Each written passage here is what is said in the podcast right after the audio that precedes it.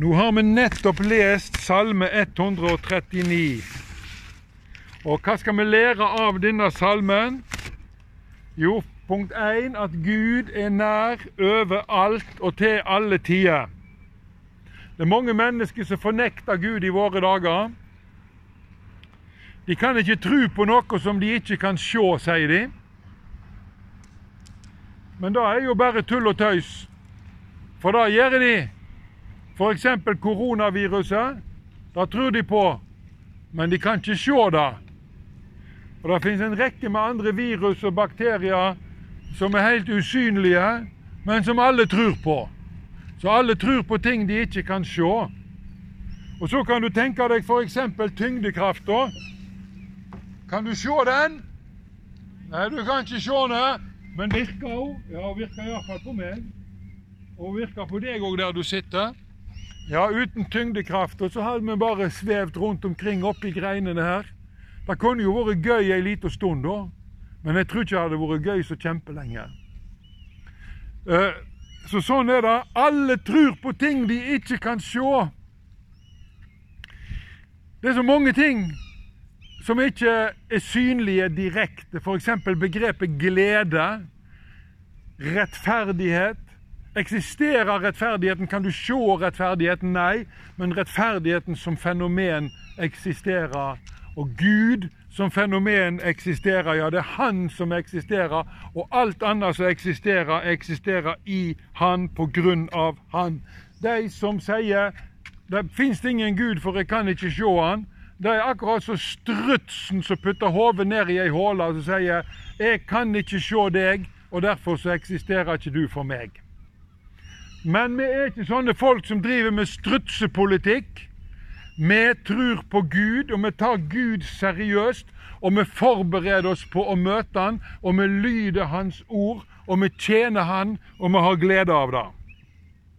Sporene etter Gud ser vi overalt. I Romerbrevet kapittel 1 vers 20 så står det For Hans usynlige vesen, både Hans evige kraft og Hans guddommelighet, har menneskene kunnet sett og observert av hans gjerninger helt ifra verden ble skapt. Der borte så ser dere noen fine rosa blomster. Det heter strandnellik. Hører med til nellikfamilien. De er så fine, og det er Guds oppfinnelse.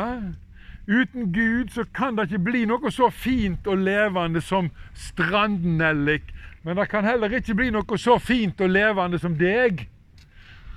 For du er mye mer verdt enn alle strandnelliker til sammen. Er det ikke bra? Dette er Gud, vår skaper. Han som er det mest intelligente og allmektige og flotte vesenet som eksisterer. Og vi kjenner Han og vi elsker han, og han elsker oss. Den første mannen som var ute i verdensrommet, hva heter han? Juri Gagarin.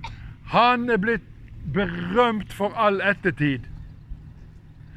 Han sa når han kom tilbake fra verdensrommet, triumferende, for han var ateist Vet dere hva, sa han, jeg så ikke Gud der oppe. Han trodde han hadde vært i himmelen. Men han hadde ikke vært i himmelen, han hadde vært i verdensrommet, og det er noe helt annet. Og Så var det noen lærere på den sovjetiske skolen som forkynte det til elevene sine.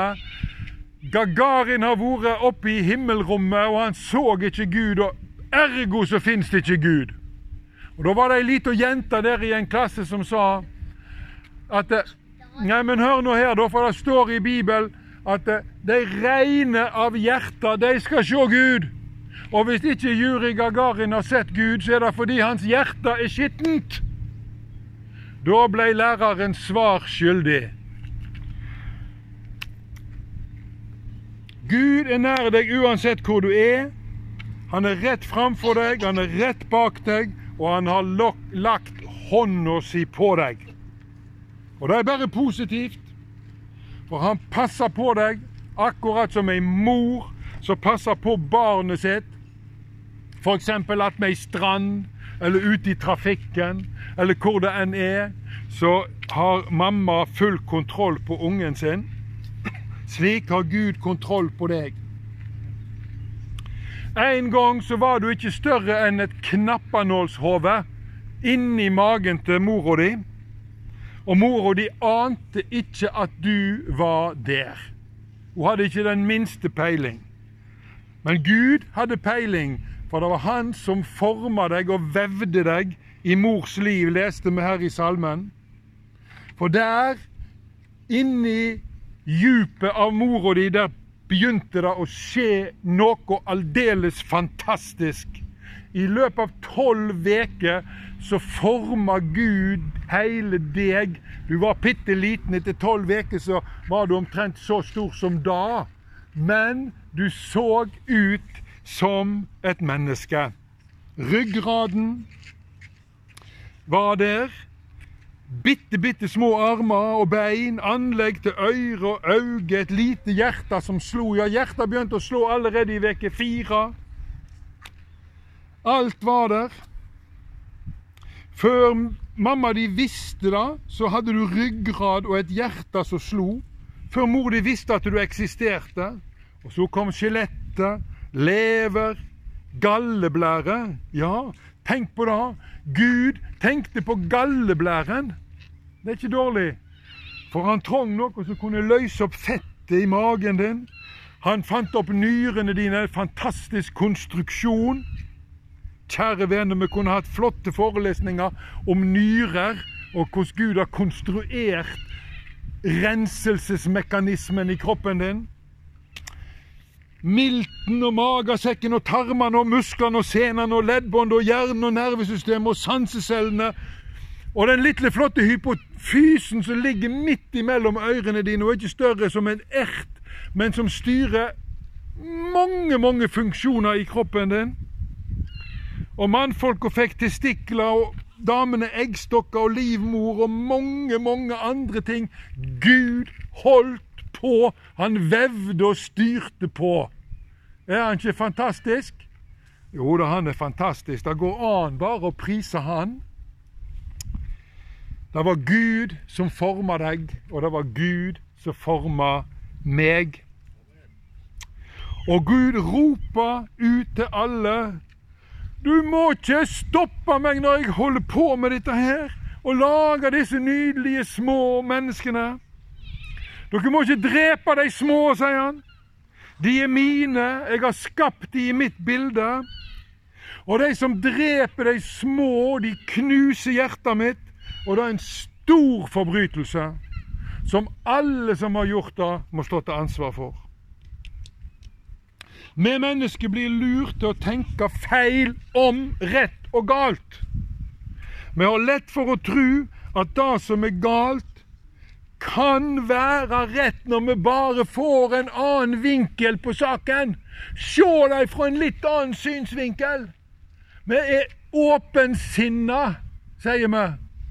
Men når Gud har sagt hva som er rett og galt, så er det farlig for oss å være åpensinna om at løsningen muligens er en annen. La oss se på det fra en litt annen synsvinkel, som folk sier.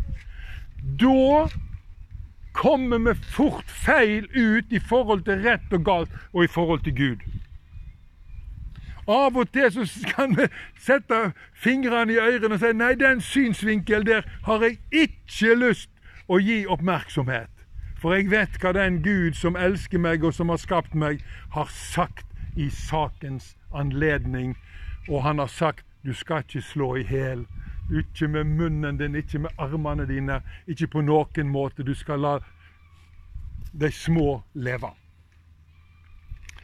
Derfor så trenger vi Guds ord som kaster Guds lys over tankene og meningene våre og over samvittigheten vår. Uten Guds ord og Guds lys og Guds ånd så farer vi vilt, står det i Bibelen. Og det er sant. Og David ber derfor du må undersøke med Gud. Undersøke tankene mine, hjertet mitt, motivene mine, holdningene mine ektheten min. Og så må du se om jeg er på vei til himmelen, eller om jeg er på vei mot den evige fortapelse. Vær så snill, Gud, og undersøk meg.